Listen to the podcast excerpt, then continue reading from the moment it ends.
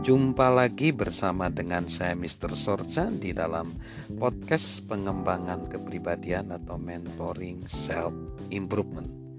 Saat ini kita akan belajar bagaimana sih supaya kita memiliki pola pikir seorang mentor. Mentoring sebenarnya adalah menyatakan jati diri kita dan juga tindakan kita. Sebenarnya ketika kita berbicara tentang mentoring, mentoring itu tidak ada hubungannya dengan bakat tertentu. Semua orang sebenarnya mampu untuk menjadi mentor, asal mereka memiliki kemampuan untuk membantu mengembangkan orang lain, membantu sesama agar sesama itu menjadi pribadi yang lebih baik Nah, pola pikir apa aja sih yang harus dimiliki seorang mentor? Pola pikir yang pertama adalah menjadikan pengembangan orang lain sebagai prioritas kita. Ketika kita ingin sukses mengembangkan orang lain, kita harus menjadikan itu sebagai prioritas utama.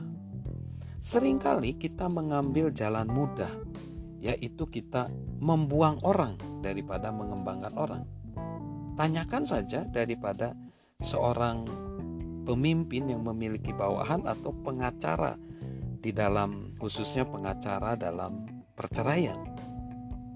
Orang-orang atau pemimpin-pemimpin yang memiliki bawahan dan memilih untuk memecat orang itu sering kali justru resikonya lebih besar yaitu terjadi hilangnya produktivitas, biaya administrasi semakin besar. Juga para pengacara yang menangani perceraian itu uh, resikonya lebih besar yaitu di mana terjadi pecahnya rumah tangga, terjadi perceraian. Karena apa? Mengambil jalan yang mudah yaitu tidak mengembangkan orang lain. Nah, apabila kita ingin menjadi pribadi yang sukses, kita pilih jalan yang tidak mudah memang, jalan yang sulit, yaitu mengembangkan orang lain. Apabila kita berkomitmen mengembangkan orang lain, maka akan terjadi perbedaan. Rumah tangga akan menjadi lebih baik, pekerjaan akan memiliki produktivitas yang lebih baik. Lalu, yang kedua, batasan yang kita kerjakan.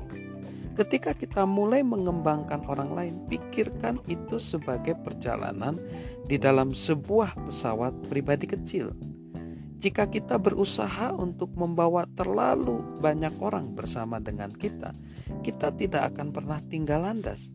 Selain itu, waktu kita juga terbatas. Coba perhatikan prinsip Pareto. Prinsip Pareto itu adalah prinsip 80-20. Singkatnya, prinsip ini mengatakan bahwa jika kita memfokuskan perhatian pada 20% teratas dari apa pun yang kita lakukan, kita akan memperoleh hasil sebesar 80%. Di dalam konteks pengembangan orang lain, kita harus menghabiskan 80% waktu kita untuk mengembangkan hanya 20% orang yang terbaik di sekitar kita. Itu artinya orang-orang yang terpenting di dalam kehidupan kita seperti keluarga kita itu adalah orang yang memiliki potensi paling besar. Jika kita ingin berusaha membimbing dan mengembangkan orang lain, kita harus melihat orang-orang yang terpenting yang bisa kita kembangkan. Kita fokus pada orang-orang tersebut. Jadi, kita memberi batasan. Lalu, yang ketiga, kembangkan hubungan sebelum memulai. Para pemimpin terbaik memahami nilai pentingnya sebuah hubungan terhadap kesuksesan. Misalnya saja Lee Iacocca sekali waktu mengatakan pada pelatih Green Bay Packer yang legendaris, Vince Lombardi, apa yang dibutuhkan sih untuk membentuk tim pemenang? Ini jawaban Lombardi. Ada sangat banyak pelatih klub bola yang tahu hal-hal terpenting harus dilakukan. Mereka juga sangat disiplin, namun mereka tetap saja tidak memenangkan permainannya. lalu Anda menemukan elemen yang ketiga. Jika Anda akan bermain bersama-sama sebuah tim, Anda harus saling memperhatikan.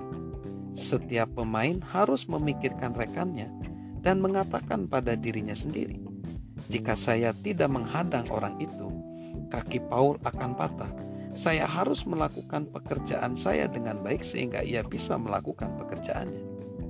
Perbedaan antara yang biasa-biasa saja dengan yang hebat adalah perasaan yang mereka miliki satu dengan yang lain. Konsep ini tidak hanya diterapkan dalam olahraga rugby seperti di atas. Konsep ini juga berlaku ketika kita sama-sama ingin menjalankan proses mentoring di mana kita bersama-sama berjalan selama satu musim tertentu sebagai mentor dan orang yang dibimbing. Jika hubungan pribadinya tidak menjadi prioritas utama, orang tidak akan berjalan.